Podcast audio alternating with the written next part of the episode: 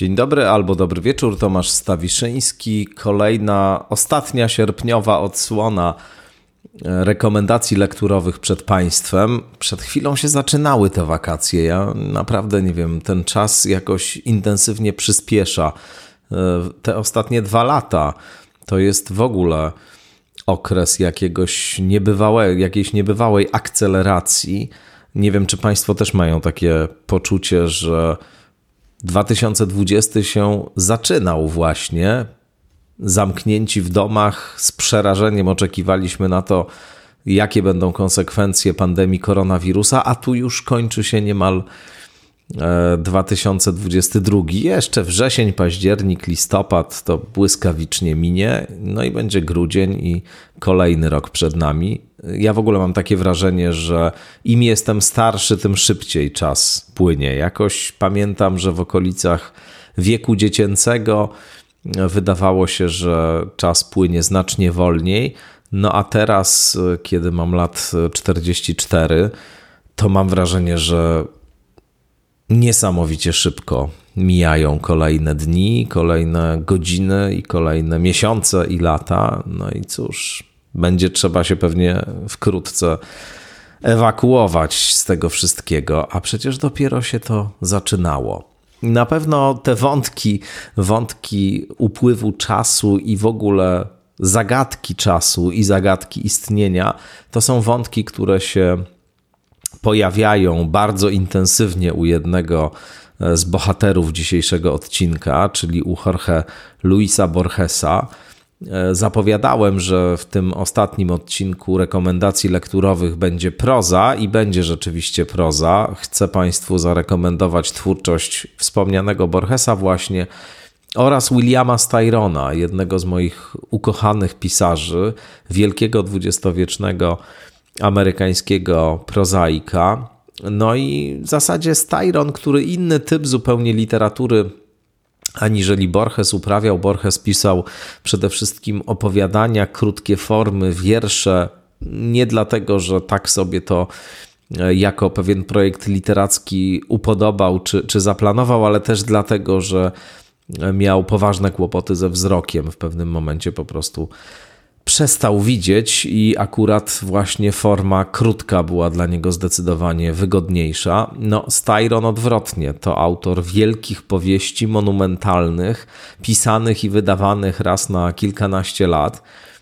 Nie jest jakiś niesamowicie pokaźny dorobek e, Styrona, licząc w powieściach właśnie, ale jeśli chodzi o objętość tych powieści, rozmach, głębię psychologiczną, wartość literacką, ciężar gatunkowy, no to jest to jeden z autorów, którzy niewątpliwie nie mają sobie równych. Dla mnie Styron jest absolutnie w mojej e, czołówce tych autorów, o których już tu kilkukrotnie wspominałem, czyli takich właśnie, których lektura coś głęboko w człowieku zmienia, sprawia, że czas zaczyna dzielić się na e, ten do momentu owej lektury i ten po lekturze i właśnie spotkanie ze Styronem, e, które zaczęło się nie wcale od, jak to bywa zazwyczaj, e, wyboru Zofii, czyli jego najsłynniejszej powieści, tylko od powieści na pastwę płomieni, którą w ogóle uważam za jedną z najlepszych powieści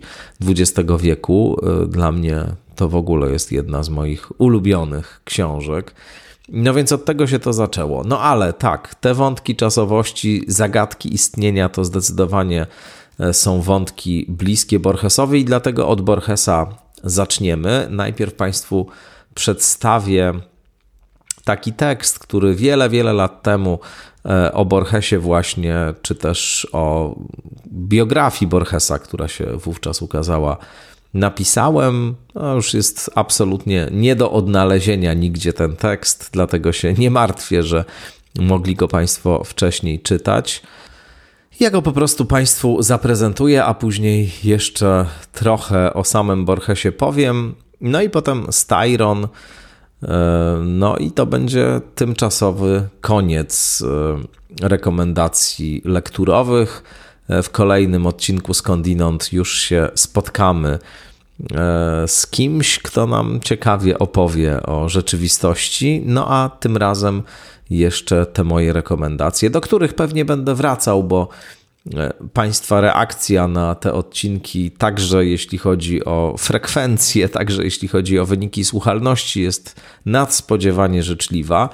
Mam wrażenie, że ta formuła, ta formuła takiego dzielenia się tym, co dla kogoś osobiście jest e, lekturą ważną i, i, i co poczyniło jakieś istotne transformacje właśnie w czytającym, że to jest sensowna formuła i ja też z wielką przyjemnością zawsze tego rodzaju opowieści o książkach, no właśnie nie takich opowieści, które są tylko przeglądem tego, co się nowego ukazało, tylko opowieści, których e, autorki, autorzy są bezpośrednio zaangażowani e, i opowiadają właśnie o tym, co, co przeczytali i co ich poruszyło. No więc ja takie opowieści też bardzo lubię. No, cieszę się bardzo, że i te moje pogadanki książkowe jakoś Państwu tutaj przypadły do gustu. No i mam nadzieję, że jakieś tam ciekawe lektury dla siebie odnaleźliście, jeśli nie znaliście akurat tych, które tutaj rekomendowałem czy rekomenduję.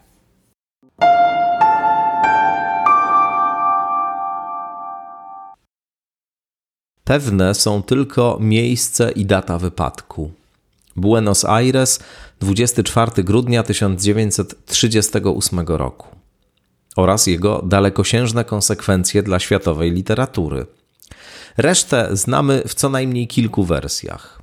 Co innego mówił sam Borges, co innego jego matka, a dodatkowych kilka wersji podają jeszcze różni biografowie autora Alefa i fikcji. Dokonując jednak z konieczności pewnej arbitralnej kondensacji, możemy w następujący sposób odtworzyć układ zdarzeń. Borges wówczas niespełna 40-letni, urodził się w 1899 roku, praktycznie nieznany szerokiej publiczności poeta i pracownik biblioteki publicznej, wbiegał po schodach do dzielonego z matką mieszkania znajdującego się na rogu ulic Las Eras i Pueyrredon. Być może czekała tam już na niego przybyła z Chile Susana Bombal, jego niegdysiejsza miłość, którą zaprosił na Wigilię Bożego Narodzenia. Tak przynajmniej twierdził później, że kiedy po niespodziewanym zderzeniu z remontowanym na klatce schodowej oknem dotarł wreszcie na górę z odłamkami szkła wbitymi w twarz, przerażony, cały zalany krwią, to właśnie Suzana otworzyła mu drzwi. Jednak Leonor, matka Borgesa, upierała się, że chilijska przyjaciółka jej syna nigdy nie przyjechała że Borges wprawdzie wyszedł po nią na dworzec kolejowy, ale wrócił sam.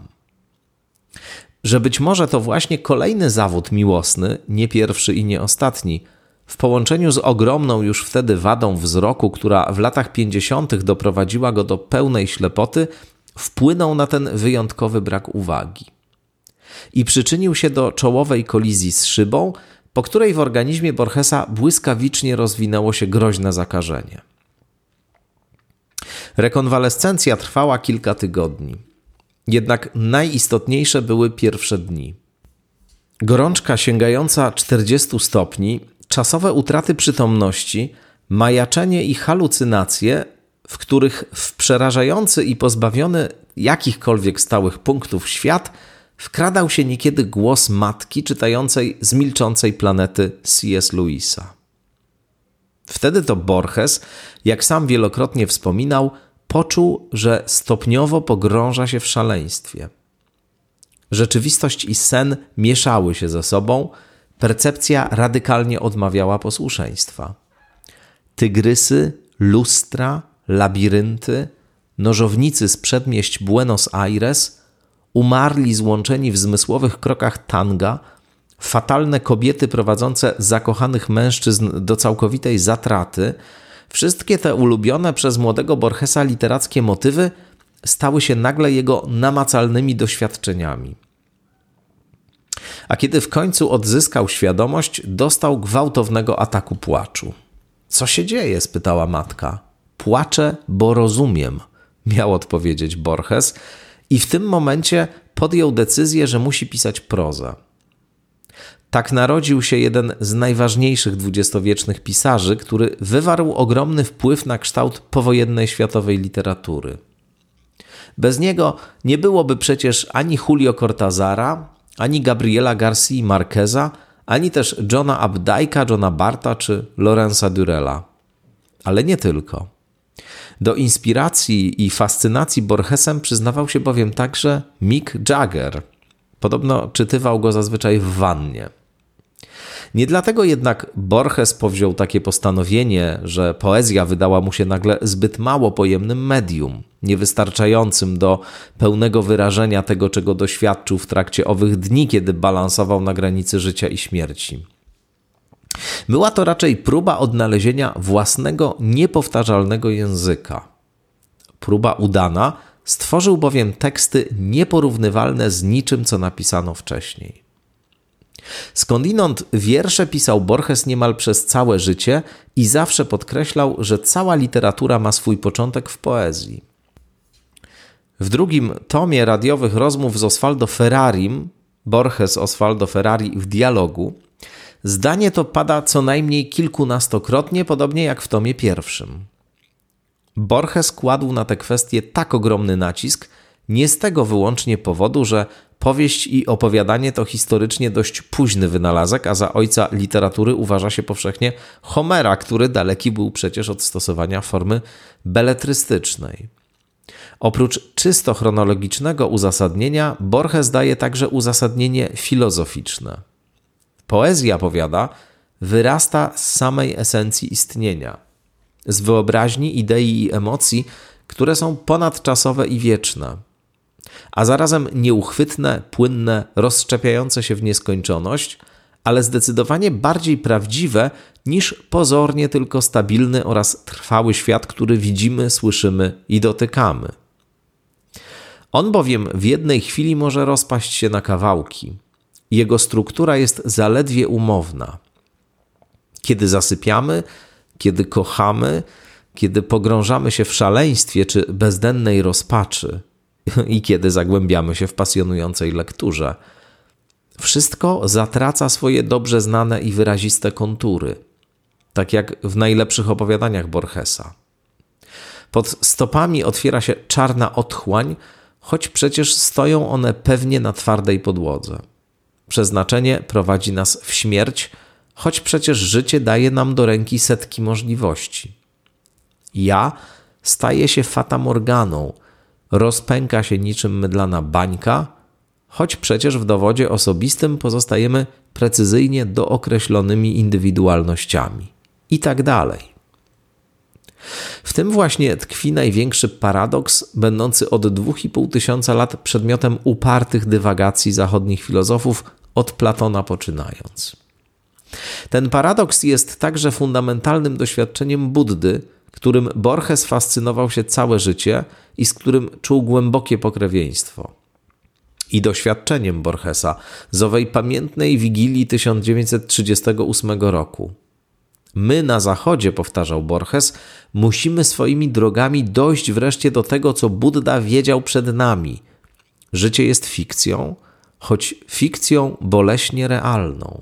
To właśnie ten kontrast pomiędzy rzeczywistością materialną zarządzaną prawami fizyki, a rzeczywistością wyobraźni i uczuć zarządzaną tajemniczymi prawami mitu i właśnie w micie najsilniej odzwierciedloną, stał się od czasów feralnego wypadku głównym tematem twórczości Borgesa. W ciągu następujących po nim dziesięciu lat powstały najwybitniejsze opowiadania.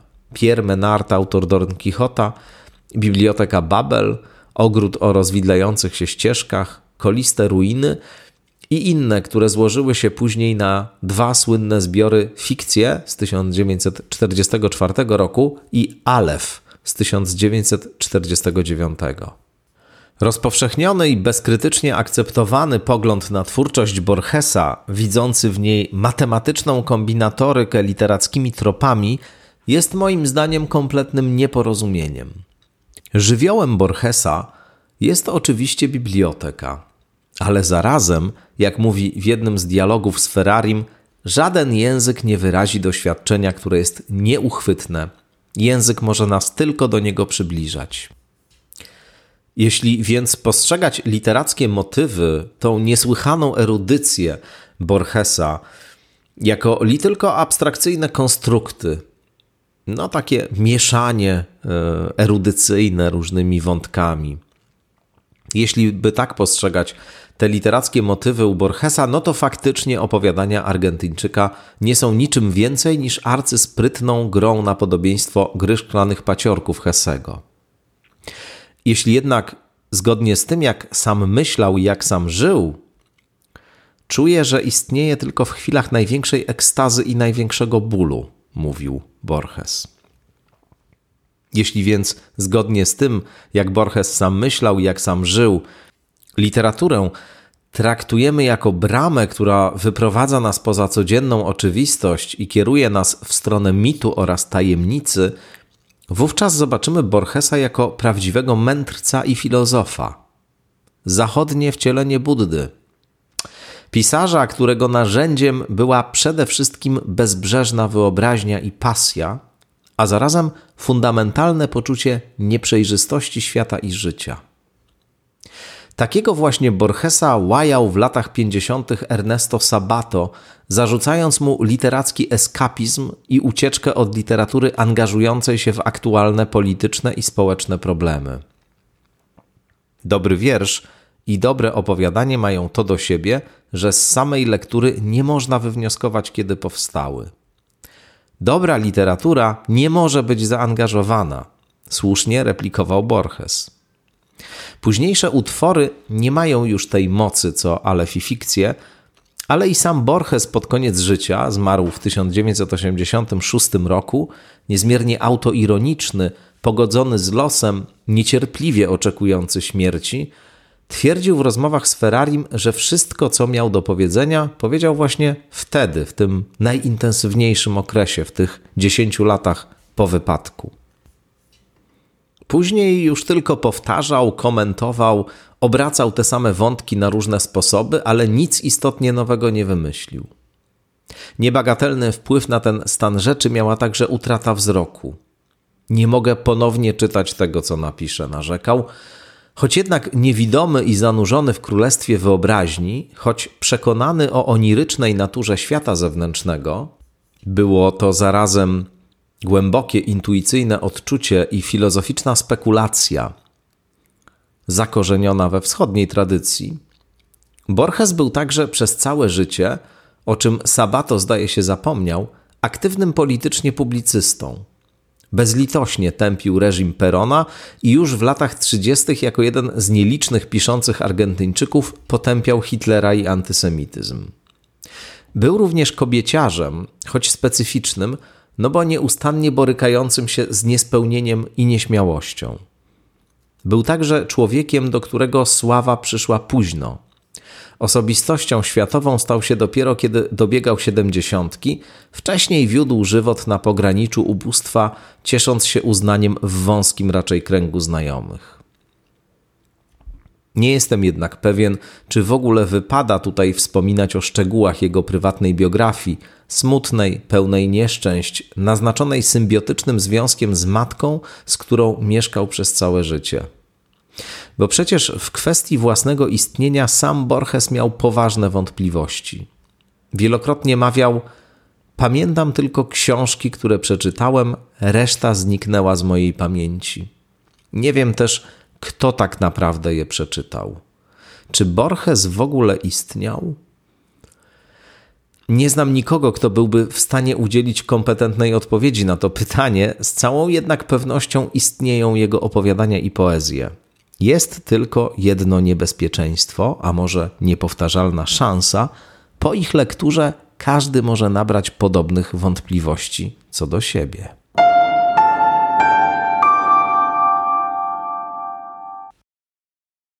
To tyle esencjalnego przedstawienia Jorge Luisa Borgesa w moim wydaniu.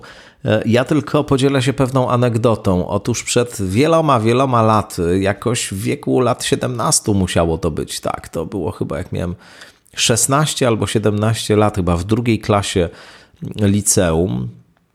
pojechałem razem z moim przyjacielem Kubą Świetlikiem, którego pozdrawiam serdecznie, do miejscowości Żabnica na wakacje. Wybraliśmy się tam w góry, w Beskid Żywiecki. Piękne miejsce zresztą, żeby, no właśnie, trochę w ferie zimowe odpocząć, poczytać książek, połazić po górach i, i pogadać. No i wzięliśmy ze sobą, jak przystało na osobników e, z kręgu trochę takich e, nerdów i wielkich wielbicieli słowa czytanego. Wzięliśmy ze sobą dużo książek. W szczególności mieliśmy tam ze sobą e, mnóstwo Szekspira. Nie wiem czy całego, ale, ale naprawdę bardzo dużo Szekspira i żeśmy tego Szekspira tam intensywnie czytali. No i jak już przeczytaliśmy tego całego Szekspira, który był do przeczytania, no to postanowiliśmy coś jeszcze sobie dokupić i mm, dosyć szybko się z Szekspirem uporaliśmy skądinąd, więc no, trzeba było jeszcze w jakąś literaturę się wyposażyć. W tym celu pojechaliśmy do nieopodal się mieszczącej miejscowości o wdzięcznej nazwie Węgierska Górka. Tam była księgarnia, no i ja w tej księgarni kupiłem Jorge Luisa Borgesa, ale w fikcję. Mam dokładnie w rękach właśnie tę książkę, którą e, kupiłem. Warszawa 1993, wydawnictwo Muza, bardzo ładne wydanie zresztą y, i przede wszystkim wydanie, w którym oba te kultowe zbiory opowiadań są e, w jednym tomie. No i wróciliśmy właśnie do e, Żabnicy. Ja pogrążyłem się w lekturze. No i powiem Państwu szczerze, zostałem wysłany w przestrzeń kosmiczną a nawet dalej, e, gdzieś przez jakieś inne wymiary zacząłem się chyba e, przemieszczać. Wstrząsnęła mną ta lektura, naprawdę. Nie sądziłem, że tak w ogóle można pisać. Było to coś nieprawdopodobnie oryginalnego, niezwykłego, wysmakowanego literacko, wysmakowanego myślowo, tajemniczego, E, obracającego się w tych kręgach tematycznych, które mnie bardzo wtedy już interesowały, dotykającego z jednej strony jakichś kwestii związanych z historią, e, historią religii, z mitologią, ale i z matematyką, naukami ścisłymi, e, poruszającego się niezwykle płynnie po tekstach kultury, po różnych tradycjach, różnych epokach, także silnie przenikniętego e, fascynacją, gnostycyzmem, ezoteryką. No, coś niesamowitego, powiem szczerze. Te konstrukcje, które się tam pojawiały w takich choćby tekstach jak Biblioteka Babel, niezwykłe, niezwykłe opowiadanie, e, które bardzo uwodzicielską ideę zawiera. Nie będę jej Państwu tutaj rekonstruował przy innych okazjach e, na temat opowiadania Biblioteka Babel sporo mówiłem, więc może już ktoś z Państwa mnie mówiącego o tym opowiadaniu słyszał, ale tu nie będę spoilował, mówiąc e, nowoczesną polszczyzną. E, Zachir, Alef tytułowy właśnie, Ogród o rozwidlających się ścieżkach, Pierre Menard, autor Don Quixota, cóż tam jeszcze? Śmierci Busola, trzy wersje Judasza, sekta Feniksa. No, to są po prostu wspaniałe, wspaniałe teksty, e, które, no, tak jak powiedziałem, wtedy właśnie wstrząsnęły moim widzeniem e, literatury.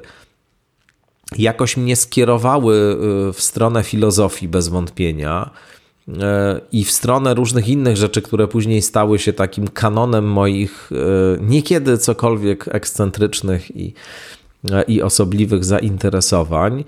I ta książka ze mną jest od tamtego czasu. Mam ją, mam ją na centralnym miejscu, no to już jest prawie, mój Boże, 30 lat.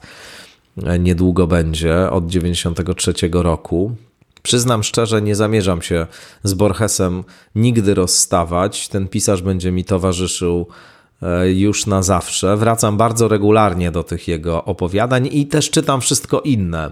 E, czytam te książki, e, które były tutaj wydawane nakładem wydawnictwa Pruszyński Spółka w takiej charakterystycznej serii, małe, szare książki w twardych oprawach. Można to jeszcze kupić na pewno na Allegro. E, choć to rzeczywiście już nie są rzeczy, tam się oczywiście ukazywały i wcześniejsze przed Alefem i fikcjami rzeczy i, i te, które Borges napisał później. Ja lubię wszystko. To znaczy, tutaj faktycznie mamy do czynienia w tych dwóch zbiorach z taką esencjalną Borgeso, Borgesowszczyzną, tak to, tak to nazwijmy. Natomiast te teksty, w których te wątki powracają, które są takimi trochę ćwiczeniami stylistycznymi czy myślowymi, e, które mają rozmaite mankamenty, też są dla mnie jakimś źródłem inspiracji i, i, radości niezwykłej, estetycznej i duchowej. No, był to po prostu wybitnie utalentowany, niezwykle, niezwykle mądry człowiek o cechach mędrca, bez wątpienia. To znaczy, to nie był tylko ktoś, to jest moje osobiste zdanie, to nie był tylko ktoś, kto po prostu niezwykle pięknie, przenikliwie, sprawnie pisał. To był ktoś, kto dotknął jakiejś tajemnicy, naprawdę jej dotknął. No i to jest w tym wszystkim najbardziej niesamowite. Także bardzo, bardzo serdecznie polecam Jorge Luis Borges, Alef i fikcję.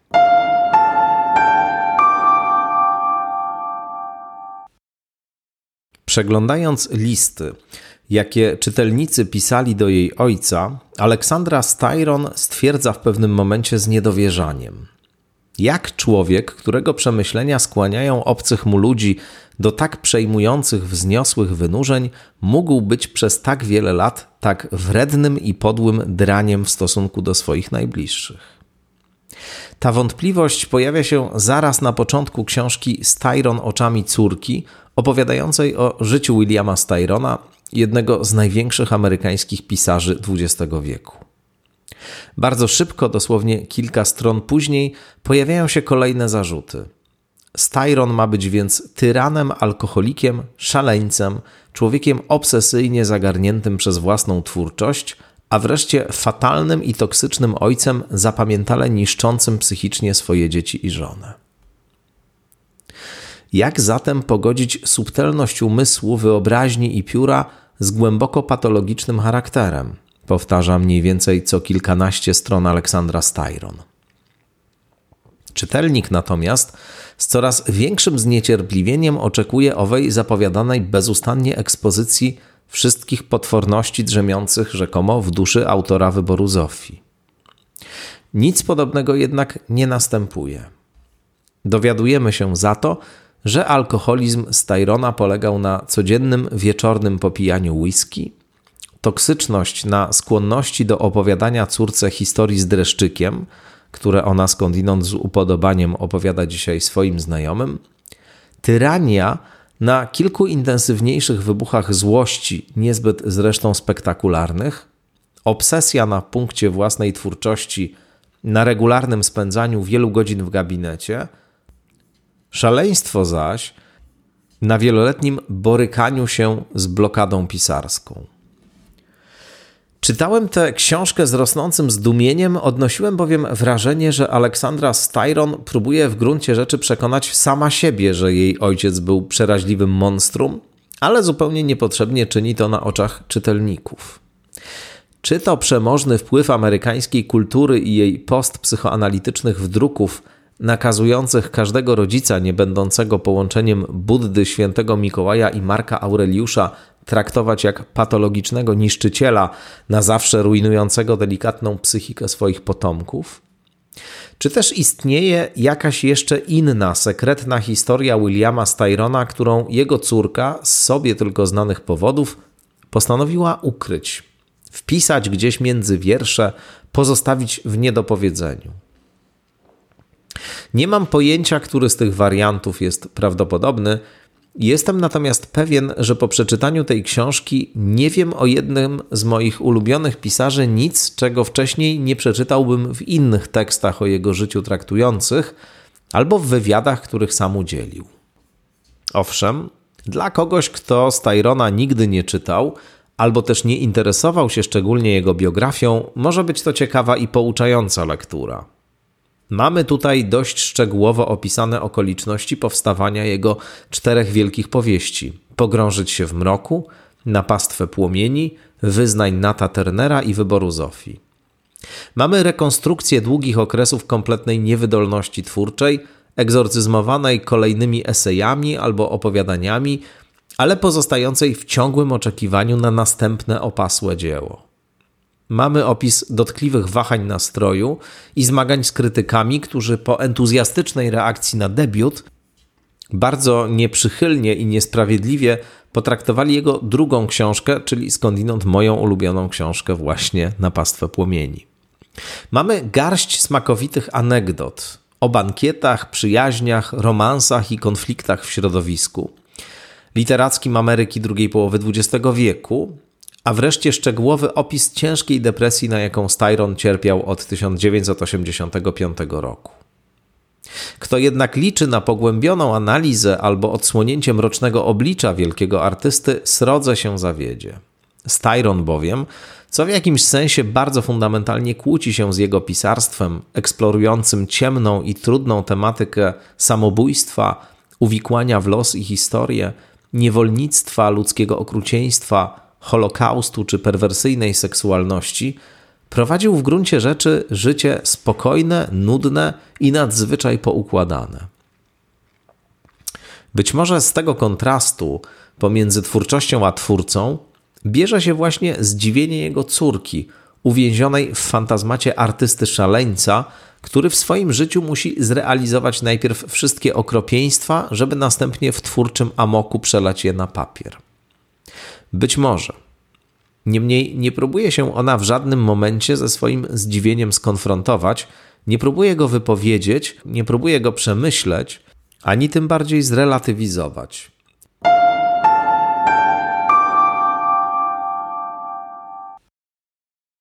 Niezwykła to była postać, ten Styron. Nie odmawiam mu oczywiście różnych mrocznych, trudnych cech. On sam zresztą na swój temat e, bezkompromisowo potrafił się wypowiadać i pisać, zarówno w rozmowach, które e, ukazały się z nim e, w takim jednym tomie Conversations with William Styron, jak i w różnych tekstach autobiograficznych, czy przede wszystkim w swojej najsłynniejszej autobiograficznej książce Ciemność Widoma, opowiadającej o doświadczeniu bardzo dramatycznym, o epizodzie ciężkiej depresji, takiej, która wymagała hospitalizacji i która działa się w czasach, kiedy jeszcze nie było leków SSRI w, takim, w takiej postaci, jaką mamy dzisiaj, no w związku z czym to leczenie było znacznie, znacznie bardziej trudne i, i takie obciążone różnymi objawami ubocznymi.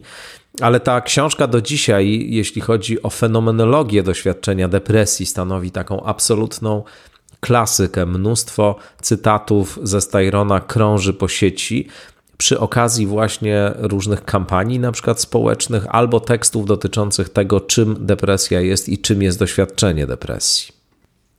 Oczywiście najsłynniejszą powieścią Williama Styrona pozostaje właściwie jego ostatnia powieść. Później jeszcze jakieś próby podejmował e, napisania powieści, ale już to się nie udało. Ostatnią książką pozostaje Wybór Zofii, poruszająca, niezwykła powieść, która jest też regularnie omawiana na zajęciach z etyki.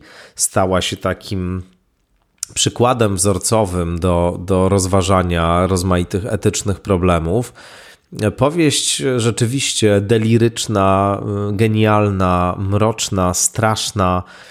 No, wszystkie te cechy esencjalnie zawiera, które zawiera pisarstwo Styrona, które właśnie z jednej strony, i to jest cały ten paradoks, który chyba także życie Styrona wciela i życie Styrona pokazuje, stąd ta krótka prezentacja czy krótkie nawiązanie do e, książki Aleksandry Styron. No więc to połączenie z jednej strony struktury niezwykle precyzyjnej, rozmachu narracyjnego, panowania nad całym ogromnym przedstawionym w powieści światem, a z drugiej strony rzeczywiście te otchłanie szaleństwa, cierpienia, zła, które w tych powieściach się pojawiają, to jest nie, niezwykłe połączenie.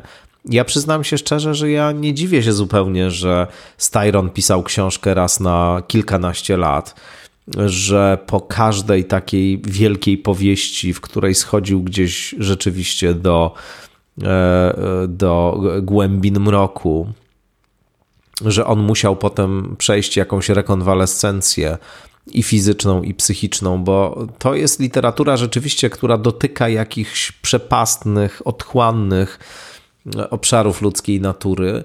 Moją ulubioną powieścią chyba pozostaje Na pastwę płomieni, ale też bardzo lubię pierwszą powieść Styrona, Pogrążyć się w mroku. Ona ma pewne już cechy takie, nazwijmy to oldschoolowe, e, książka z początku lat 50., ale też pięknie napisana, też wspaniale opowiedziana, opisująca rzeczywistość, której już nie ma, podobnie jak na pastwę płomieni, rzecz jasna, sposób myślenia, funkcjonowania ludzi, który odszedł do przeszłości, ale będąca też e, podobnie jak te poprzednie książki, no jakąś taką głębinową eksploracją ludzkiej duszy, e, tych jej e, ciemnych wymiarów i, i to rzeczywiście Styronowi się fantastycznie udawało.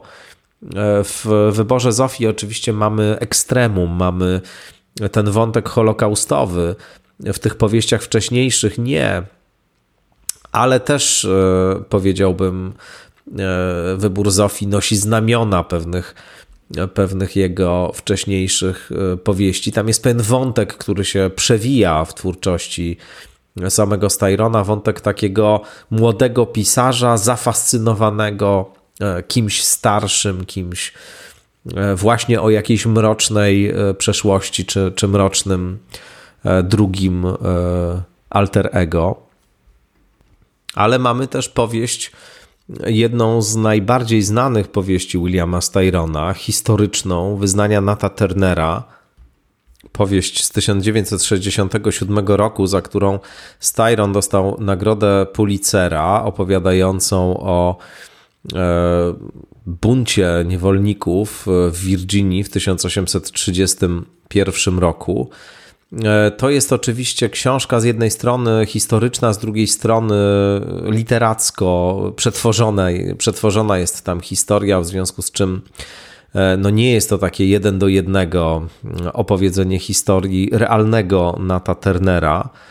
E, jest, jest taka książka, pamiętnik owego Turnera właśnie, opublikowana w 1831 roku i zawierająca, e, zawierająca zeznania Turnera właśnie.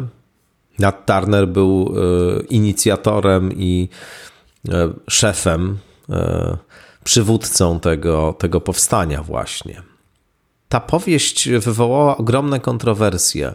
Do dzisiaj zresztą kontrowersje budzi. Zarzucano Styronowi odpowiednio albo rasizm, albo E, właśnie coś odwrotnego, to znaczy albo uważano, że jest to książka, która w straszny sposób przedstawia białą Amerykę, albo zarzucano mu jakieś inklinacje rasistowskie właśnie, ale no cóż, e, przede wszystkim dwójka takich autorów e, afroamerykańskich, pisarzy Ralph Ellison i James Baldwin byli to obrońcy tej powieści. James Baldwin zresztą był przyjacielem Styrona, przyjaźnił się z nim przez wiele lat. No i bardzo tej książki bronił przed zarzutami, myślę, nie, nie, nie, nie, niewłaściwymi, nie, nieprawdziwymi.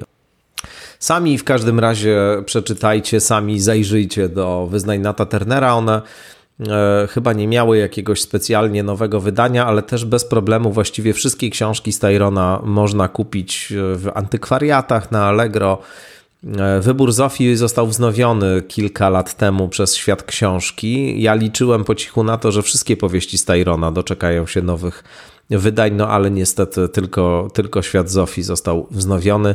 Cały czas czekam na nowe wydania, pogrążyć się w mroku i na pastwę płomieni, no bo to są te takie trzy właściwie wielkie powieści samego Styrona, które niezwykle, niezwykle cenię, ze wskazaniem na napastwę płomieni, no i których lekturę zdecydowanie i bardzo serdecznie Wam rekomenduję.